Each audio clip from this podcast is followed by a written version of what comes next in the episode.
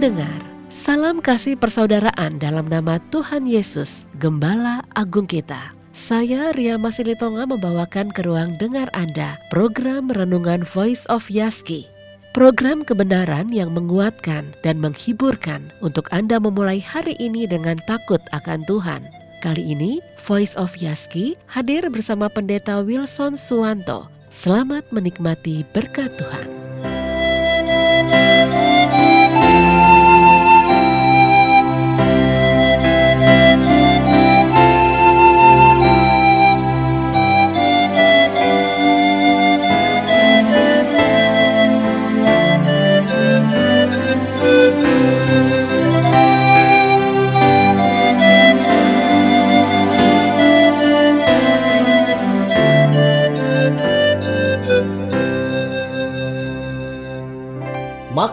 Yesus dibawa oleh roh ke padang gurun untuk dicobai iblis. Dan setelah berpuasa 40 hari dan 40 malam, akhirnya laparlah Yesus. Lalu datanglah si pencoba itu dan berkata kepadanya, "Jika engkau anak Allah, perintahkanlah supaya batu-batu ini menjadi roti." Tetapi Yesus menjawab, "Ada tertulis, manusia hidup bukan dari roti saja, tetapi dari setiap firman yang keluar dari mulut Allah. Pembacaan firman Tuhan tadi adalah dari Matius pasal yang 4 ayat 1 sampai 4 dan bagian itu seperti kita tahu berbicara mengenai peperangan atau konflik antara Kristus dan iblis, penguasa kegelapan yang pertama kalinya ketika Yesus memasuki pelayanannya.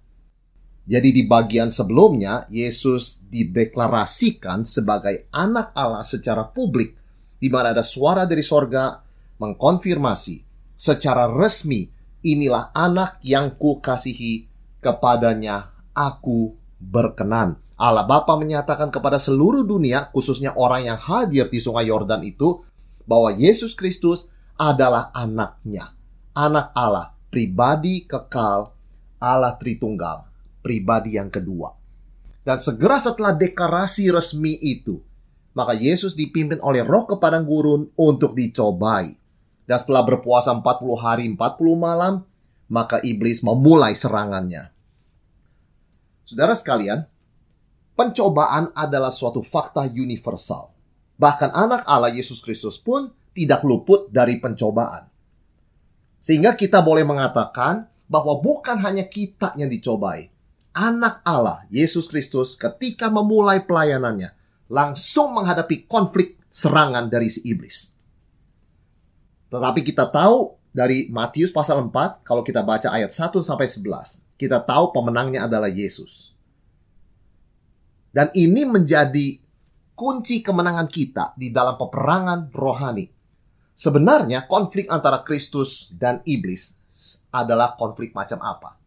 Dua kata, konflik antara otoritas yang diwakili oleh posisi Yesus melawan otonomi yang diwakili oleh iblis. Dua kata yang penting ini, saudara sekalian. Yang pertama, otoritas. Yang kedua, otonomi. Otoritas adalah suatu kuasa pemerintahan yang mewajibkan, mengharuskan orang bersikap tunduk dan taat. Otonomi lawannya adalah suatu usaha untuk berdiri di atas kaki sendiri dan tidak tunduk pada siapa pun. Maka pertempuran antara Kristus melawan iblis adalah pertempuran sikap tunduk kepada otoritas yang ditunjukkan oleh Yesus Kristus dalam hal ini otoritas firman Tuhan yang dia tunduk kepadanya di bawahnya melawan sikap otonomi di mana iblis mencoba Yesus untuk berotonomi atau berdiri di atas kakinya sendiri, melakukan apa yang dipandangnya baik tanpa memikirkan Tuhan, tanpa memikirkan otoritas yang ada di atasnya. Maka perhatikan setiap kali Yesus menjawab serangan iblis, dia selalu mengutip firman Tuhan sebagai otoritas. Ada tertulis, ada tertulis, ada tertulis. Yesus tahu bahwa esensi pencobaan dan serangan iblis adalah mau mencabut dia dari posisi tunduk dan taat kepada otoritas firman Tuhan menjadi sikap yang berdiri di atas kaki sendiri atau otonomi. Tetapi Kristus tahu bahwa itu adalah akar esensi serangan iblis, tetap berdiri teguh menghadapi berbagai atau tiga macam pencobanya berbeda dan selalu memulai jawabannya dengan ada tertulis. Dan kita tahu Yesus Kristus anak Allah. Dia bukan hanya guru kebenaran, dia adalah kebenaran itu sendiri. Dia bisa berkata, Sesungguh-sungguhnya aku berkata kepadamu. Tetapi bukan begitu cara Yesus menjawab iblis. Yesus menjawab iblis dengan selalu menempatkan dirinya di bawah otoritas firman Tuhan sehingga dia di dalam tindakannya perkataannya memulainya dengan kata-kata ada tertulis. Meskipun Kristus sebagai anak Allah tidak harus melakukan itu karena dia adalah kebenaran itu sendiri. Tetapi dia memberikan contoh dan pola dan teladan bagi kita ketika menghadapi pencobaan iblis bagaimana kita bisa menang. Jawabannya adalah sikap tunduk kepada otoritas firman Tuhan firman Tuhan satu-satunya yang berotoritas, otoritas yang tidak bersalah dalam dunia ini.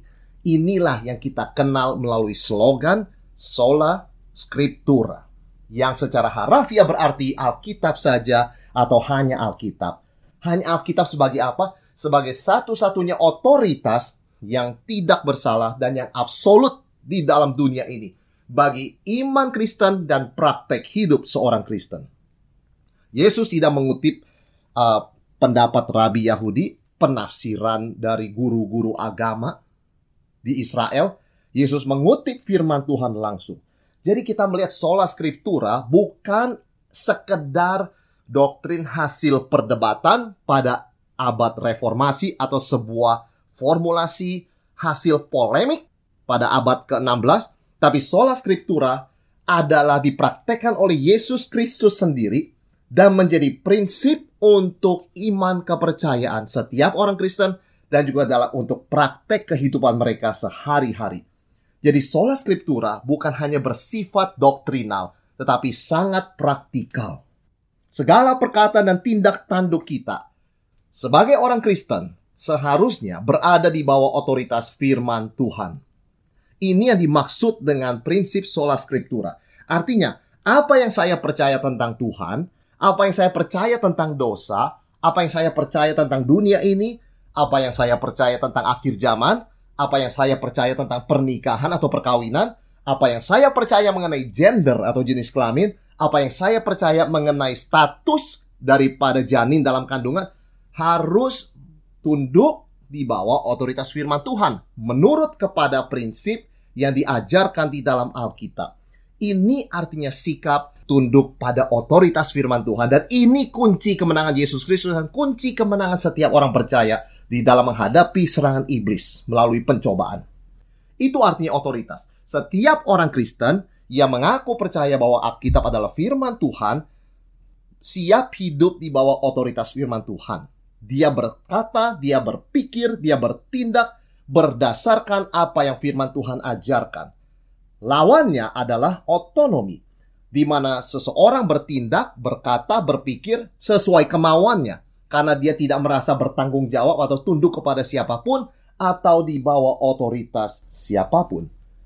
Sikap atau slogan seperti ikuti kata hatimu, ikuti keinginanmu, lakukan apa yang kau anggap benar atau yang benar di matamu. Itulah yang dimaksud dengan sikap otonomi. Dan itu yang ingin iblis lakukan terhadap Yesus. Itu sebabnya kita tahu ini adalah esensi pencobaan atau godaan dari iblis terhadap Yesus. Dengan kata lain, kalau boleh saya katakan dalam bahasa sehari-hari, Yesus, saya tahu engkau lapar, engkau sudah berpuasa 40 hari dan 40 malam, dan engkau anak Allah bukan? Kalau engkau anak Allah, gunakan kuasamu untuk mengubah batu menjadi roti untuk mengenyangkan perutmu. Saudara sekalian, kalau iblis sekedar mau mencoba Yesus dalam bidang makanan, dia bisa membawa roti, dia bisa membawa makanan, dan menyuruh Yesus makan. Tetapi bahwa dia meminta, dia menyuruh Yesus mengubah batu menjadi roti, itu adalah suatu sikap yang menantang dan menolak dan tidak tunduk kepada otoritas Tuhan. Dan inilah inti dari pencobaan iblis sejak Taman Eden.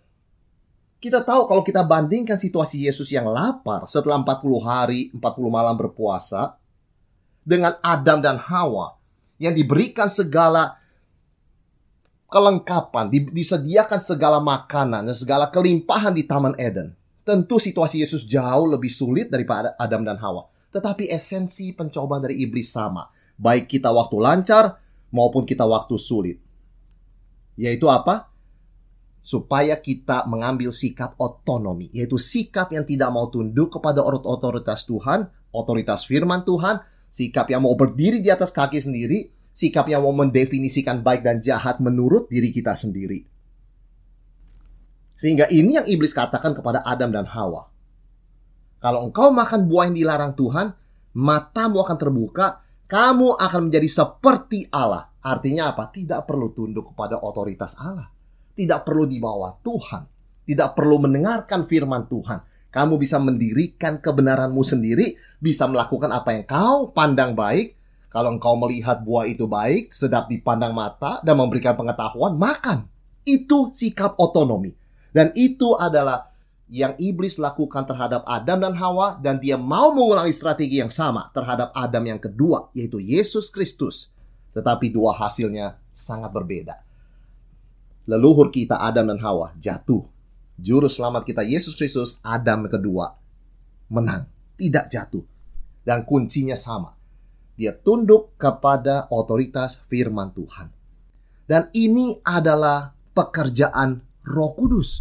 Karena dalam Matius 4 ayat 1 yang kita baca tadi, firman Tuhan mengatakan, maka Yesus dibawa oleh roh ke padang gurun untuk dicobai oleh iblis sikap tunduk kepada otoritas firman Tuhan adalah pimpinan Roh Kudus. Ada orang mempertentangkan antara firman Tuhan Alkitab dan Roh Kudus. Kalau orang membaca Alkitab bersandar pada firman Tuhan, mempelajari firman Tuhan, dianggapnya dia tidak bersandar pada kuasa Roh Kudus. Sebaliknya ada yang berpikir kalau seseorang bersandar pada kuasa Roh Kudus, dia tidak perlu mempelajari firman Tuhan, dia tidak perlu uh, membaca, dia tidak perlu studi, dia tidak perlu memahami firman Tuhan lebih mendalam. Ini adalah antitesis yang salah, yang palsu, dikotomi yang, dikotomi yang salah. Artinya kita tidak boleh memilih dan tidak mungkin memilih dan tidak bisa memilih. Karena Roh Kudus dan Alkitab atau firman Tuhan tidak bisa dipisahkan. Yesus berkata, "Tetapi penghibur, yaitu Roh Kudus yang akan diutus oleh Bapa dalam namaku, Dialah yang akan mengajarkan segala sesuatu kepadamu dan akan mengingatkan kamu akan semua yang telah ku katakan kepadamu. Jelas, yang Yesus ajarkan adalah kebenaran firman Tuhan dan ketika Roh Kudus datang setelah Yesus naik ke sorga, Roh Kudus mengajarkan firman Tuhan yang sama, mengingatkan murid-murid akan firman Tuhan. Roh Kudus dan firman Tuhan tidak terpisahkan. Di mana firman Tuhan diberitakan, di situ Roh Kudus bekerja di mana Roh Kudus bekerja, dia bekerja melalui firman Tuhan. Maka kita melihat seseorang yang sungguh sudah diselamatkan dan mengerti dan menerima prinsip sola scriptura, Alkitab satu-satunya otoritas yang tidak bersalah, kita tahu orang tersebut yakin Alkitab bukan tulisan manusia, melainkan adalah firman Allah yang tidak bersalah, itu adalah hasil pekerjaan Roh Kudus. Roh Kudus yang meyakinkan orang melalui inner persuasion, melalui keyakinan di dalam hati bahwa Alkitab bukan buku biasa. Ini adalah perkataan Tuhan sendiri, perkataan Tuhan yang tidak bersalah, dan karena itu merupakan otoritas di dalam hidupnya. Jadi kita melihat pimpinan Roh Kudus dan sikap tunduk kepada otoritas firman Tuhan sangat erat hubungannya, bahkan tidak terpisahkan. Yesus dipimpin oleh Roh ke padang gurun untuk tunduk kepada otoritas firman Tuhan, menunjukkan sikap demikian untuk kebaikan kita sehingga kita tahu bagaimana kita bisa menang atas pencobaan. Sebab firman Tuhan berkata, roh yang ada dalam kamu lebih besar daripada roh-roh yang ada di luar kamu. Setiap orang percaya punya roh kudus sebagai metrai, pribadi Allah Tritunggal yang ketiga, tinggal dalam hati kita. Dan karena kita punya roh kudus, roh kudus memimpin kita untuk tunduk kepada kebenaran firman Tuhan. Itu sebabnya mengapa kita bisa yakin firman Tuhan atau Alkitab adalah firman Tuhan yang berotoritas, yang tidak bersalah, dan mengikat bagi kehidupan seorang Kristen setiap hari. Yesus sendiri menunjukkan bagaimana dia tunduk kepada otoritas firman Tuhan. Dia pergi, dia dipimpin oleh roh ke padang gurun. Dia berpuasa 40 hari. Dan kita tahu dia berpuasa 40 hari karena seperti Musa di perjanjian lama. Ketika dia menantikan Tuhan memberikan 10 hukum Taurat, Musa juga berpuasa 40 hari 40 malam. Artinya segala tindakan Yesus, perkataan Yesus berdasarkan berpijak di atas dasar otoritas firman Tuhan. Dia bukan semaunya memilih 40 hari. Dia mengikuti firman Tuhan. Dia tunduk pada otoritas firman Tuhan. Dia bukan mengukur 40 hari karena memang saya sanggupnya berpuasa 40 hari. Ini dan itu bukan bukan pribadi alasan dia. Alasan dia adalah firman Tuhan. Sehingga ketika dicobai oleh iblis, Yesus menjawab selalu dengan perkataan, "Ada tertulis." Rahasia kemenangan Kristus atas segala macam pencobaan, dari yang paling halus sampai yang paling kasar. Paling halus adalah ubahlah batu ini jadi roti karena engkau lapar. Sampai yang paling kasar, sembahlah aku. Iblis terang-terangan ngomong. Apa pun serangan itu jenisnya halus, kasar, tertutup, terbuka, tersirat, tersurat, rahasia kemenangan Yesus tetap sama dan konsisten. Sola Scriptura. Ada tertulis. Dan ini bagaimana Yesus mengalahkan iblis di dalam pencobaan di padang gurun. Dan di sepanjang hidupnya.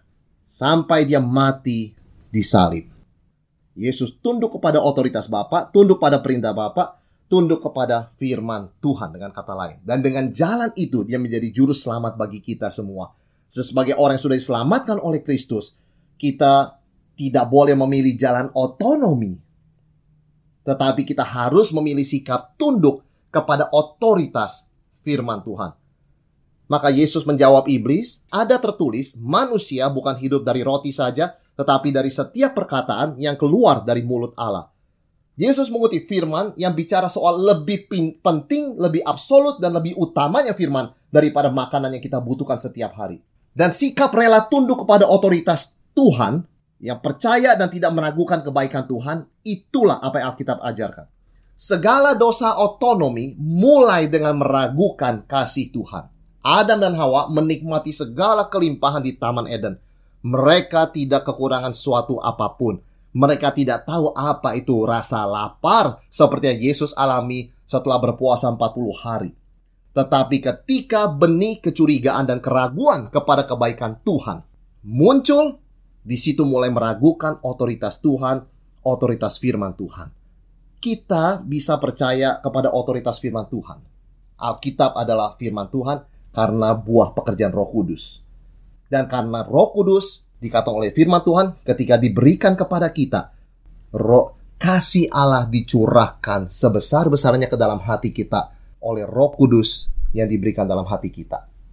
Artinya ketika Roh Kudus tinggal dalam hati seseorang, Roh Kudus meyakinkan orang itu satu, Alkitab adalah firman Allah yang berotoritas dan tidak bersalah. Yang kedua, Roh Kudus melembutkan hati orang itu sehingga dengan sukacita dan sukarela tunduk di bawah otoritas itu. Dan yang ketiga, Roh Kudus meyakinkan orang itu bahwa otoritas firman Tuhan adalah berdasarkan kasih Tuhan dan kebaikan Tuhan. Bukan dengan tujuan yang menindas, bukan dengan tujuan yang mencelakakan, melainkan otoritas yang menyelamatkan. Inilah rahasia kemenangannya. Kan di dalam prinsip dan praktek sola scriptura, di situ kita melihat besarnya dan terbuktinya kuasa Roh Kudus yang memampukan kita mengatasi semua serangan dari iblis dan roh-roh di dalam dunia ini. Saudara sekalian, Yesus dipimpin ke padang gurun, di padang gurun tempat yang luas dan tidak ada arah, tidak ada tanda jalan, tidak ada rambu, tidak ada orang lain keadaan yang tidak memungkinkan untuk hidup. Tetapi dalam keadaan yang paling sulit sekalipun, di mana manusia hampir mustahil survive, orang yang berpegang kepada firman Tuhan sebagai otoritas dan tunduk kepadanya survive. Bukan hanya survive, tetapi thrive. Dia bertumbuh, dia berbuah, dan dia memuliakan nama Tuhan. Seperti Yesus Kristus. Di mana peristiwa ini dicatat sebagai kekuatan bagi kita yang membacanya dan merenungkannya. Dan kita ingat bahwa dunia ini adalah seperti padang gurun. Rasul Petrus mengingatkan dunia ini bukan rumah kita, kita hanyalah musafir, kita hanyalah orang yang numpang lewat.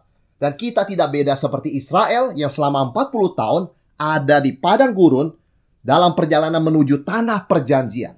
yang adalah bayang-bayang dari sorga yang akan kita masuk sebagai orang percaya. Seperti Yesus menang atas pencobaan di padang gurun dengan tunduk pada otoritas firman Tuhan. Tidak ada jalan lain bagi saudara dan saya sebagai orang percaya di dalam dunia ini seperti padang gurun. Untuk menang atas pencobaan selain dengan tunduk dan berpegang kepada otoritas firman Tuhan. Dan ingat semua ini adalah pekerjaan Roh Kudus. Roh Kudus yang memimpin kita di dunia ini. Seperti Roh Kudus memimpin Yesus ke padang gurun. Keberadaan kita di dunia ini bukanlah sebuah kecelakaan. Melainkan adalah pimpinan dari Roh Kudus. Di mana pun saudara berada, apa pun situasi hidup saudara sekarang, tidak ada yang kebetulan. Allah berdaulat dan Roh Kudus memimpin kita. Dan Roh Kudus adalah roh yang menjadikan kita anak-anak Allah sehingga dengan Roh Kudus kita berseru, "Ya Aba, ya Bapa." Satu sikap respek, satu sikap tunduk, satu sikap taat anak kepada Bapa di sorga. Dan respek tunduk kita ditunjukkan, diekspresikan dengan tunduk kepada Alkitab, yaitu firman Tuhan yang berotoritas. Sehingga kita menjawab pertanyaan, bagaimana seorang seperti Tuhan Yesus bisa survive di padang gurun dan keluar sebagai pemenang di dalam pertempuran yang sengit dengan si jahat? Jawabannya adalah dengan tunduk kepada otoritas firman Tuhan. Ada tertulis, ada tertulis, ada tertulis. Dan lawannya, sebaliknya sikap yang ditanamkan yang merupakan inti dari serangan iblis kepada Yesus Kristus dan setiap orang percaya adalah godaan untuk otonomi, yaitu berdiri di atas kaki sendiri, tidak tunduk kepada otoritas firman Tuhan. Kita tahu barang siapa berada dalam camp, berada dalam posisi otonomi, dia sudah jatuh di dalam pencobaan, dalam jebakan iblis. Karena otonomi atau berdiri di atas kaki sendiri adalah sebuah ilusi.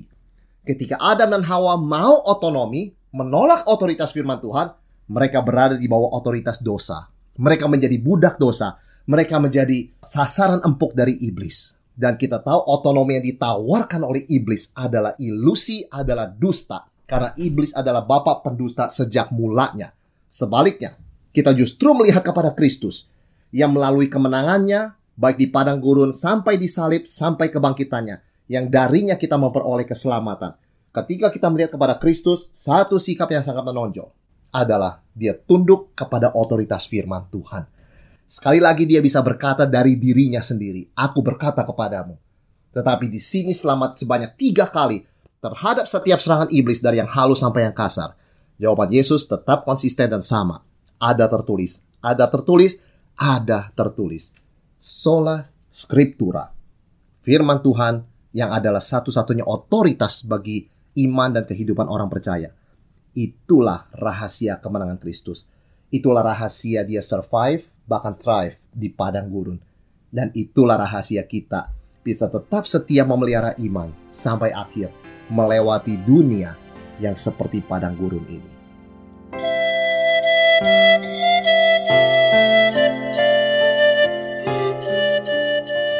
Pendengar, demikian tadi program renungan Voice of Yaski program kebenaran yang menguatkan dan menghiburkan untuk Anda memulai hari ini dengan takut akan Tuhan. Bagi Anda yang membutuhkan informasi lebih lanjut mengenai kegiatan Yayasan Yaski, dapat menghubungi nomor telepon 021 594 94223. Sekali lagi 021 594 94223. Atau bagi Anda yang ingin mendukung pendanaan pelayanan Yayasan Yaski, kirimkan donasi Anda melalui nomor rekening BCA 372 301 6262 atas nama Yayasan Yaski. Sampai jumpa esok hari, Tuhan Yesus memberkati.